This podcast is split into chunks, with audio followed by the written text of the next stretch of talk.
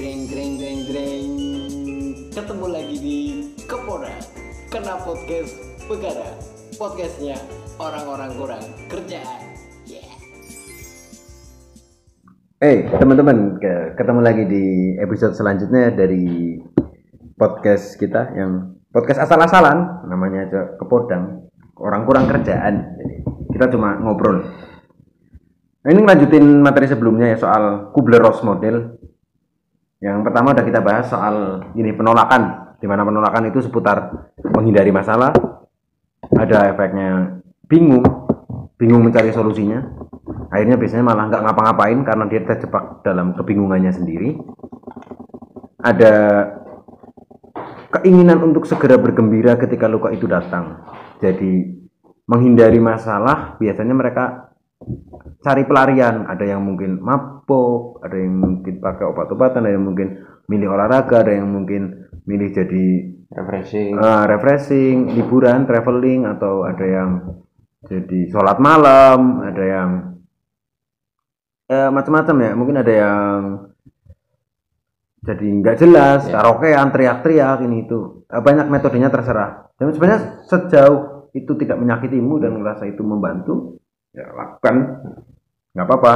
Terus ada efek kaget juga karena ya luka yang datang pasti nggak pernah kita pengen dan nggak pernah kita rencanakan. Jadi kekagetan hampir dipastikan. Dan terakhir seputar ketakutan. Karena setiap manusia pasti punya ruang dalam hati dan pikirannya soal ketakutan hidup. Dan ketika luka datang justru apa yang ditakutkan biasanya terjadi. Makanya responnya adalah penolakan itu. Nah selanjutnya eh, meningkat pada stage kedua the stage of grief tahap kesedihannya adalah marah atau anger. Nah, kemarahan di sini meliputi frustasi, ada luka karena merasa terluka, maka dia tidak punya merasa tidak punya pilihan lain selain marah. Dan anxiety tentang kekhawatiran. Nah, ini sekarang kita juga ngobrol sama Mas Rizka lagi. Marah. Nah, menurut Mas Rizka nih, maksudnya soal ke mana apa? Ketika kita menghadapi luka, proses setelah kita penolakan, penolakan sudah dilewati, kita sudah tidak menolak lagi, biasanya kita cenderung ingin mengekspresikannya dalam bentuk kemarahan. Nah, kalau pengalaman pribadi yang pernah ketemu banyak dalam perjalanan hidup itu sampai hari ini atau teman atau apa yang pernah dengar apa dengerin curhatan dan lain-lain. Sebenarnya gimana sih proses apa ya? Ya pendapat sih opini. Karena kita juga bicara soal opini. Opininya soal ketika ada masalah malah kita responnya marah. Mungkin bisa seputar bicara efektivitas dari kemarahan itu nah, atau atau gimana. Nah, eh, opininya bagaimana ya kita pengen dengar. Eh, kalau eh, ini ada ada sebuah eh, ini menarik ya hal menarik. Aku pernah lihat di sebuah tayangan gitu. Ada sebuah entah itu orang atau sebuah lembaga gitu ya. Itu yang menyediakan sebuah wahana untuk merilis kemarahan orang-orang. Di, oh eh, dia di kota. menyediakan ruang. Ruang. Ruang itu di eh, masyarakat modern masyarakat kota itu dengan eh, padatnya aktivitas kepenatan yang oh, stressful ya. stresnya tinggi penat yang tinggi gitu kan. Itu butuh pelampiasan atau harus dirilis dilepas lah Iya, jadi kadang- dilepas. orang cari duit sampai stres habis itu ngabisin duit buang buat buang stres Iya. Nah, itu yang asik tuh dia menyediakan sebuah mobil itu kayak semacam di eh, tempat penampungan mobil bekas itu. nah, kayak kayak ini berarti ya apa Yang lihat apa ya itu? kalau sampah ya TPA gitu ya tempat buang sampah akhir Iya, tapi gitu. itu khusus mobil mobil gitu. ya kendaraan. otomotif kendaraan ya pembuangan otomotif, ya. Itu ada mobil yang masih cukup bagus bentuknya, mungkin udah nggak terlalu nggak bisa dipakai, mesinnya nggak fungsi gitu. Tapi bentuknya masih bagus. di setting sedemikian rupa Enggak, biasa aja. Oh? Masih bentuk mobil. Itu orang-orang ada sekitar mungkin 5 apa sampai orang itu dikasih palu satu-satu. lima apa enam ini Iya, silahkan mobil ini dihancurkan, oh lepaskan. karena memang karena memang ini ya Iya, mobilnya udah tidak berguna ya? Iya, itu silahkan hancurkan. Maksudnya lepaskan kemarahan, lepaskan Ah. kepedihan atau apa gitu. Mungkin itu salah satu metode ya. Metode kadang-kadang daripada kita larinya ke arah yang merugikan. Destroy. Iya, merugikan Merusak. merugikan orang lain atau merugikan diri Diri sendiri gitu. Itu kan relatif oke itu merusak, tapi sebetulnya itu barang barang udah rusak juga. A- Artinya berarti gini, ya, kemarahan pun harusnya harus bisa dikendalikan. Dikendalikan. Man- man- manajemen. Iya, iya. Mungkin manajemen of anger ya. Iya. Apa? kontrol kita terhadap kok rasa marah itu. Iya. Artinya dalam kita mau milih sebenarnya melampiaskan apa sekedar menyalurkan. menyalurkan ya. Pelampiasan kan sudah cenderung apa ya? Meledak-ledak Iya, gitu, yang mungkin yang tidak ada- terkontrol jadi. Iya, mungkin ada tipikal orang yang eh, kalau dia ada tekanan, stres, ada masalah, itu emosinya itu susah untuk dikendalikan. Mungkin itu salah satu tempat yang cocok ya, wahana atau Iya, ruang yang cocok, iya cocok. cocok untuk melepaskan eh, kemarahan. kemarahannya. Karena energi kemarahan itu sebenarnya sangat, Sangat besar, iya. iya. besar. Orang ketika marah energinya sangat besar. itu kalau dijadikan pembangkit listrik energi marah itu tenaga, wow, kita cukup punya sumber daya yang sangat oh banyak. iya, banyak orang marah-marah. Banyak orang marah-marah. Iya. Pembangkit listrik tenaga. Terutama ini, Pak. PLTK. Ketika ditagih utang malah Iya. yang ditagih yang marah. Yang iya. Nah, itu kan kita banyak yang punya utang. Iya. Nah, pasti sumber sumber dayanya kita Iya. melimpah ruah itu. Apa pembangkit listrik tenaga kemarahan PLTK. Kayaknya juga amdalnya lebih mudah. Mudah, iya. Wah, karena paling apa residunya suara kan. iya. Ah, Bikin ruangan apa besar. nih? Bikin ruangan besar, Tuhan suara. ya terus jadi listrik. iya, itu kan keren itu. Mungkin ada peneliti-peneliti yang Iya. bisa gitu ya. Universitas bisa bikin penelitian. Iya. Itu kan kalau orang marah teriak berapa desibel itu bisa diolah lagi enggak? Iya. Tenaga Dikonversikan iya, ya. Kebisingan bisa dikonversi jadi listrik enggak Iya, sih? ya? kayak kin- kinetik jadi listrik. Iya, bisa. ini kebisingan. Hmm, kayak baling-baling tenaga gerak, Gerak, tenaga, iya. tenaga apa? Harusnya bisa. turbin. Harusnya bisa cuman belum ketemu mungkin ya. Ya, ya semoga. Ya masa peneliti-peneliti level dunia nggak bisa sih, Iya. payah lah. ya percuma tesis sama disertasinya. Merubah kemarahan jadi listrik aja nggak bisa.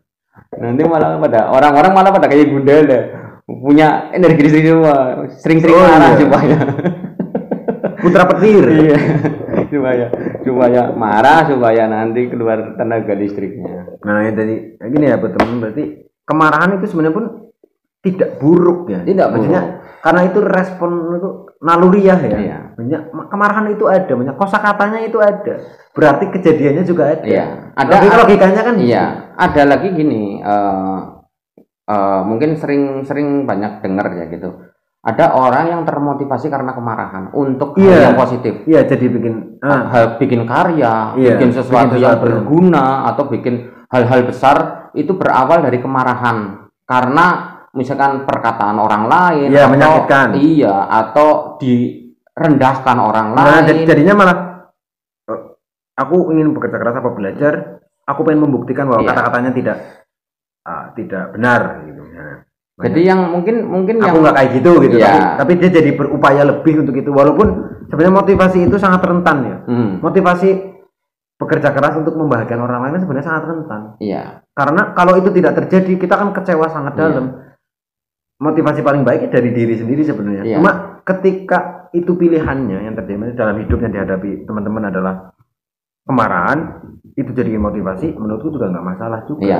banyak Arahnya toh positif nanti. itu hal terbaik yang bisa dilakukan dari kenyataan yang buruk Iya. mungkin mungkin Walaupun mungkin uh, akan ada residu ya mungkin.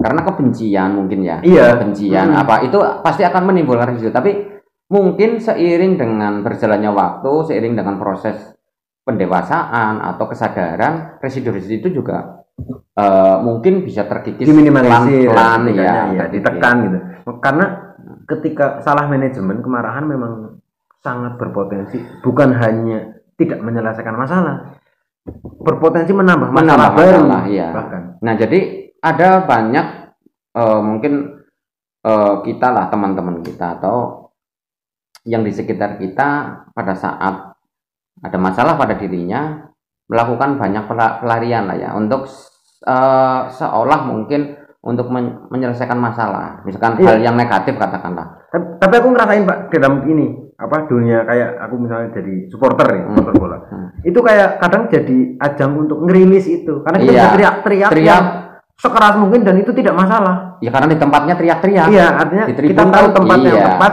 dan di Nah, saat yang betul tepat. betul.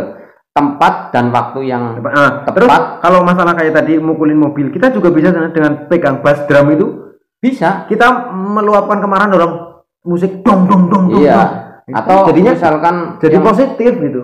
misalkan suka pukul-pukul selain drum misalkan ada yang buat mukul-mukul itu bela diri itu samsak gitu Hmm. itu bisa jadi Kalau enggak ini ya bantu diri atau bantu apa. ini ya tukang ini ya tukang tebang pohon, mukulin pohon sampai roboh. Rob- ah iya nebang pakai kampak itu Iya. juga bisa sebetulnya kan karena kemarahan itu adalah sebuah energi Iya, kalau udah capek marahnya hilang Iya, Se- sekarang marah juga ada batasnya ada batasnya betul. Iya, marah ada Makanya ketika, batasnya. ketika sebenarnya kayak an- misalnya anak kecil Iya. melakukan kemarahannya, sebenarnya kalau Nangis, asal ia itu apa. terkontrol, Hmm. dibiarkan saja, dia akan berhenti sendiri. iya Pasti. karena capek karena capek karena Iya. karena orang manusia itu maha limitasi, iya maha terbatas, sangat terbatas maha terbatas. Itu. kemarahan ada batasnya terus fisik kita untuk mengendalikan marah itu juga sangat terbatas Ten- tenaganya Iya, makanya karena badan kita, punya limitasi. iya Eh, karena mungkin jarang ya orang yang lagi marah, wah capek banget terus, wah aku lapar nih makan, lanjutin Iya. marahnya ah. iya biasanya susah kalau udah iya kalau udah capek Jarang orang yang marahnya terplan ya. maksudnya ter- ter- terencana loh. Iya. Te- eh, menit kesekian saya istirahat, coffee break, Iya. nanti marah lagi gitu. Bulek aja tidak bisa mengendalikan kemarahannya untuk Iya. menjadi besar Iya. kan harus harus dipancing dulu Harus bertanya dulu dan harus Bulek- ada ya Bulek nggak bisa milih warna tubuhnya, cuma hijau, hijau Eh. NU. harus ada harus ada stimulus ya kemarahan biasanya ada stimulusnya jarang kita nggak tahu sih ya apakah ada orang yang bisa aku pengen marah lah gitu ada apa enggak sih gitu dia menciptakan kemarahannya sendiri Oh, kayak di Tanpa stimulus. Distimulasi. Bisa. Itu mungkin anak teater melakukan itu. oh Acting iya. lebih ke tapi peran. tetap ada stimulusnya biasanya Iya, kayak misalnya Stimulus. musik, apa dia nonton Iya, sesuatu yang dia iya, marah atau dia stimulus. memanggil memori kemarahan lalu, kemarahan lalu, lalu. iya. Itu pun kan jadinya baik karena dia ditempatkan pada sisi yang tepat Iya. untuk karena Adegan, dia, gitu ya, ya. perlu peran itu. iya Misalnya pemeran antagonis. iya Kan nggak mungkin ceria.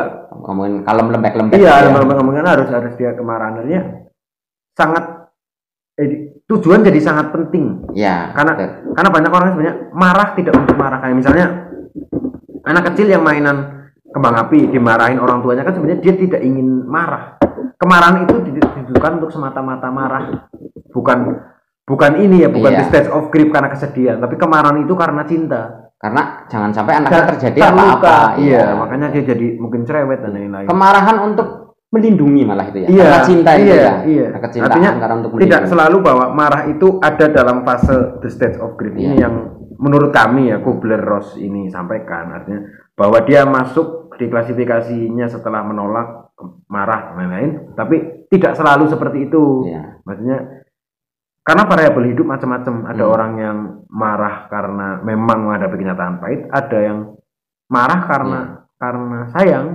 karena sayang kepada orang yang dia marahin jadi ya kita perlu apa ya penempatan ini pemahaman konteks kontekstual Iya. apa ya ekspresi dari kemarahan itu sangat penting Iya. Tak selalu kemarahan itu buruk, iya dan tidak selalu untuk ditujukan untuk hanya marah-marah marah semata. semata. kadang kan marah semata maksudnya apa ya tujuan marah untuk marah tapi ya kayak tadi marah untuk melindungi Iya. marah untuk mengungkapkan cinta Cowok-cowok lah punya cewek, terus Iya. digodain cowok lain. iya Kemarahan itu adalah kemarahan untuk melindungi iya pasangannya misalkan. iya karena Bapak ke anak, ibu ke itu itu anak. itu malah bukti cintanya Iya. ketika dia marah Iya. maksudnya kalau ceweknya digangguin nggak marah malah "Loh, ini gimana Iya.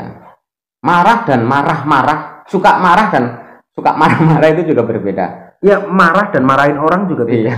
marahin orang lain antara apa mengungkapkan kemarahannya mungkin ada orang yang jadi mengungkapkannya jadi musik yang eh, apa berirama tinggi tempo Iya. duduk duduk duduk main drum yang cepet nah, untuk mengungkapkan bukan mengungkapkannya merilis, ya. Merilis, melepaskan energi kemarahannya Iya. itu yang dia bakal tahu bahwa ini ada batasan nanti Iya. ketika sudah selesai dia akan bisa lebih jernih tapi ketika menghadapi kemarahan memang merilis itu penting Iya. Bagian dari ekspresi mungkin ya, mengekspresikan perasaan gitu. Eh, ya macam-macam lah. Kita teman-teman mungkin ada yang suka ya hobi sesuatu bukan juga kemarahan selalu identik dengan teriak-teriak, kekerasan, pukul-pukul. Ada juga yang tetap marahku untuk menciptakan sebuah karya tertentu yang nggak Iya. perlu pakai ma- bentak-bentak, Nah, terus gini ketika misalnya kenyataan pahit itu datang dari seseorang misalnya dibohongi, dikhianati. Nah, e- efeknya secara umum kecenderungan kita adalah setelah marah itu kita jadi benci orang tersebut. Ya, Kayak seperti ungkapan sebenarnya ketika benci itu malah jadi kita sebenarnya makin menyakiti diri kita Iya. karena karena karena itu gangguan pasti terjadi mengganggu. iya mengganggu pikirannya tuh. Kayak kayak misalnya kita melihat yang nggak baik kita benci benci kemungkaran gitu. Iya. Nah, kebencian ada kemungkaran.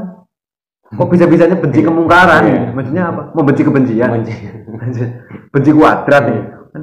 Nah, kita pun perlu perlu proporsinya harus ini ya berarti Tepat. tepat ya tepat. Dan itu memang tidak mudah pasti karena setiap orang apa ya perlu mengalami benturan-benturan seperti itu untuk sampai pada tahap kalau orang Jawa bilang mendep ya, ketenangan Ketenangan, ya. ketika menghadapi sesuatu sebenarnya dia marah tapi dia menahan diri Mana- mungkin itu yang disebut sabar Iya. Nah, kan. Hmm, Sabar itu bukan berarti dia tidak punya respon. Respon, Dalam iya. arti dia tidak punya kemarahan. Iya. Dia punya kemarahan, dia punya sakit hati, Tapi tapi, bisa dia bisa menahannya. Tidak mengeluarkan, tidak meledak-ledak, Hmm. tidak yang apa jadi asal-asalan malah eh, sifatnya destruktif gitu loh. Tapi Nah, mungkin ada tipikal orang yang tidak bisa meluapkan kemarahan. Dia menyimpan selalu menyimpan perasaan. Bisa jadi. Sebetulnya dia ada kebencian tertentu sama malah jadi orang. bahaya. Dia baik. Itu mungkin yang bisa menyebabkan frustasi, Efeknya cenderungnya malah ini ketika jangka panjang eh, apa? dendam lah atau apa. Fisik malah akhirnya dia ke fisik biasanya. Karena sumber penyakit biasanya kan datang dari pikiran ya. Ketika Oh, iya. pikiran itu terserang dan dia menumpuk kemarahan itu Iya. menumpuk ke banyak orang dan dan tidak ada dia tidak ada teman untuk mengungkapkan. Nah, itu. Itu juga bisa Dan eh, aku yakin itu salah satu yang memberikan efek sosial media rame, Pak. Karena banyak orang yang mengungkapkan kemarahan di sosmed. oh iya. Dia, Dia menulis. lewat situ ya. Iya, dia nulis, Hmm. dia bikin apa Iya, di YouTube kadang-kadang. Kadang-kadang ada orang yang susah untuk berkomunikasi ya. Pasti iya, Verbal, karena karena dia merasa kadang tidak punya teman yang tepat. Iya, Yang tidak tepat. tidak ada pendengarnya. Iya, yang akhirnya akhirnya dia ah, menulis sesuatu atau apa, meskipun sebenarnya tidak ada yang baca, Pak. Iya, Tapi dia merasa sudah mengungkapkan. iya. Nah, kalau itu jalannya menurutku nggak masalah. Pasti Bapak pernah ah, apa? menemui entah itu status WhatsApp, Sering, Facebook, yang sampai sekarang. tiba-tiba bangsat, Iya. anjing nih. Nah, itu yang itu kita nggak tahu apa. Iya. Dan dia juga tidak menerangkan. Menerangkan bahwa bangsatnya soal apa dan Iya, lain-lain. betul. Jadi kayak sebenarnya dia cari perhatian dengan itu. Hmm. Dia pengen ditanya, Kenapa sih? iya. Walaupun sebenarnya kadang ditanya pun dia nggak mau jawab. Iya. Ya sekedar diledakan aja sudah. iya. mungkin. Tapi ketika itu pilihannya buat teman-teman, dan ya menurutku nggak Iya. masalah. Daripada marahin orang, mending marahin orang yang malah bikin sakit hati, mending itu karena rasa sakit yang dibalas dengan menyakiti lagi tidak makin baik buat diri kita sendiri sih. Iya. Nanti ada acara ini. Eh, Kita akan pembalasan membalas. iya, tidak selesai. Iya. Sana juga pengen balas lagi. Iya, saling saling Kapan selesainya? saling berbalas itu kan mungkin tidak. Dan itu Yang paling banyak di- ditemui kan eh, tweet war gitu ya. Banyak itu tweet war. Satu bikin komen, ditanggepi dengan mencela itu balik lagi iya, mencela balik. iya, akhirnya malah hidupnya nah, mungkin itu yang jadi efeknya misalnya eh, apa kebahagiaan itu ya jadi susah dicapai karena timbul dari kemarahan dan frustasi Iya. efeknya terus karena frustasi yang berkelanjutan malah jadi lahir kekhawatiran itu Iya. anxiety yang jangan-jangan ini bakal kejadian lagi Iya. jangan-jangan ini nggak selesai jangan jangan-jangannya banyak Iya. padahal itu bumbunya susah loh kalau jangan kangkung Iya. jelas bumbunya Ini banyak yang nggak tahu jangan itu apa. jangan itu sayur Iya. itu bahasa Jawa Iya. jangan Jangan itu kalau itu bahasa Indonesia dah anu apa ya? Jangan. sayur kalau bahasa Indonesia maksudnya Kalau bahasa Jawanya di bahasa Indonesia kan jadi sayur ya. Tumis lah iya katakanlah ya. jangan itu tidak Iya, jangan itu tidak ya. iya Ya, jangan. Ya bukan tidak juga sih. iya Jangan. ya ya jangan itu jangan adalah jangan Jangan, iya. Ada kata penggantinya enggak sih jangan bahasa Indonesia? Tidak bisa menggantikan jangan, tapi tidak selalu tidak. iya betul tidak tidak boleh membuang sampah sembarangan jangan membuang sampah sembarangan nah Iya, itu masih bisa iya. misalnya Kamu jangan tidur di situ ya. Kamu tidak tidur di situ. iya ya. itu nggak Kan- tepat Ya, bisa digunakan tapi kurang pas. Malah pelajaran SPOK ya. subjek predikat objek dan Hmm. keterangan. Ya kadang kita masih terbawa bahasa-bahasa bawaan. Daerah. iya. Dan nggak apa-apa ya. Iya biar jadi, jadi biar nambah, saling nambah kosakata. biar saling mengenal juga ya Iya, bahasanya. Iya. Itu, itu dari kemarahan. Nah, jadi ya menurut kami ya itu tadi uh, fase kemarahan pun akan berbeda tiap individu karena ya balik lagi latar belakang terutama keluarga dan Lingkungan. akan sangat membentuk ya lingkungan bergaul circle lingkungan misalkan ini kayak tadi eh, orang yang punya lingkungan yang care itu relatif mungkin ya bisa iya bisa eh, mudah merilis mungkin Ya, makanya ya. sebenarnya gini, potensi-potensi kayak eh, katakanlah anak yang disebut anak nakal gitu Hmm. misalnya. Kecenderungannya adalah ketika mereka mengalami kesedihan seperti ini, tapi dia menemukan circle yang kurang tepat. Iya, Misalnya, betul. "Oh, kamu lagi marah ya? Mabok aja yuk. Ya Nah, kecenderungannya biasanya kejadian itu apa? Kayak misalnya mabuk atau ya, pakai- sampai pakai narkoba, obat-obatan dan Hmm. lain-lain. Dia bukan lahir dari dirinya sendiri. Umumnya pertama kali nyoba kebanyakan teman-temanku dan lain-lain yang yang yang ada pada fase itu yang sampai minum dan nggak bisa lepas sampai Hmm. ini nah ini adalah pertama Berawal- kali berawal. berawal dari hal-hal seperti Iya. itu karena kayak ketidakterimaan kemarahannya pada Kemarahan. kenyataan ternyata per- apa kemarahannya pada apa yang dia hadapi dalam masa hidupnya eh, disambut dengan cara seperti Iya. itu Ini mungkin orientasinya yuk kita minum biar plong iya padahal iya. cuma sementara ya Iya, Nggak- iya. bukan bukan solusi Iya, permanen iya, bukan menyala tidak mengubah keadaannya juga Iya. misalnya dia marah karena misalnya gagal masuk suatu perguruan tinggi gitu Iya. apa dengan minum terus dia jadi masuk Iya, kan nggak betul. juga nggak nggak nggak ngubah itu solusinya adalah dia cari sekolahan baru iya dan atau nunggu cari sekolahan baru ya atau nunggu satu tahun satu atau tahun misalnya itu iya. eh, fasanya adalah perguruan tinggi atau ketika ngelamar kerja iya tidak coba masuk lagi. gitu. Iya cari perusahaan lain iya. atau bikin perusahaan baru. Hmm. bukan dengan eh, mabok terus jadi diterima kan. Hmm. itu nggak bisa jadi portofolio. Apa kalian anda? Saya bisa mabok loh. Hmm. nggak nggak jadi terus diterima. Wah saya terima tapi ya anak-anak muda. Ya kita kita kita mengalami lah ya. Ya mengalami apa kepusingan kepusingan dari Iya. efek air air kalau aku beruntungnya ya. berpresentase itu. Kalau aku main beruntungnya itu lingkunganku cukup apa ya cukup cukup bagus lah untuk per, pertumbuhan eh, pertumbuhan pendewasanku waktu itu. Masih dari ya artinya pak ini ya apa eh, teman-temannya tidak apa ya lingkungannya tidak condong ke arah sana. Ke arah sana. Ya Mungkin ada, tetap iya, ada ya cuma tidak yang apa ya? Yang dia- dominan iya, yang dominan, dominan, ya benar, yang dominan. dominan kebetulan yang eh, menurutku care. Lebih ke ini ya penggalian masalah terus iya. kayaknya lebih baik ini.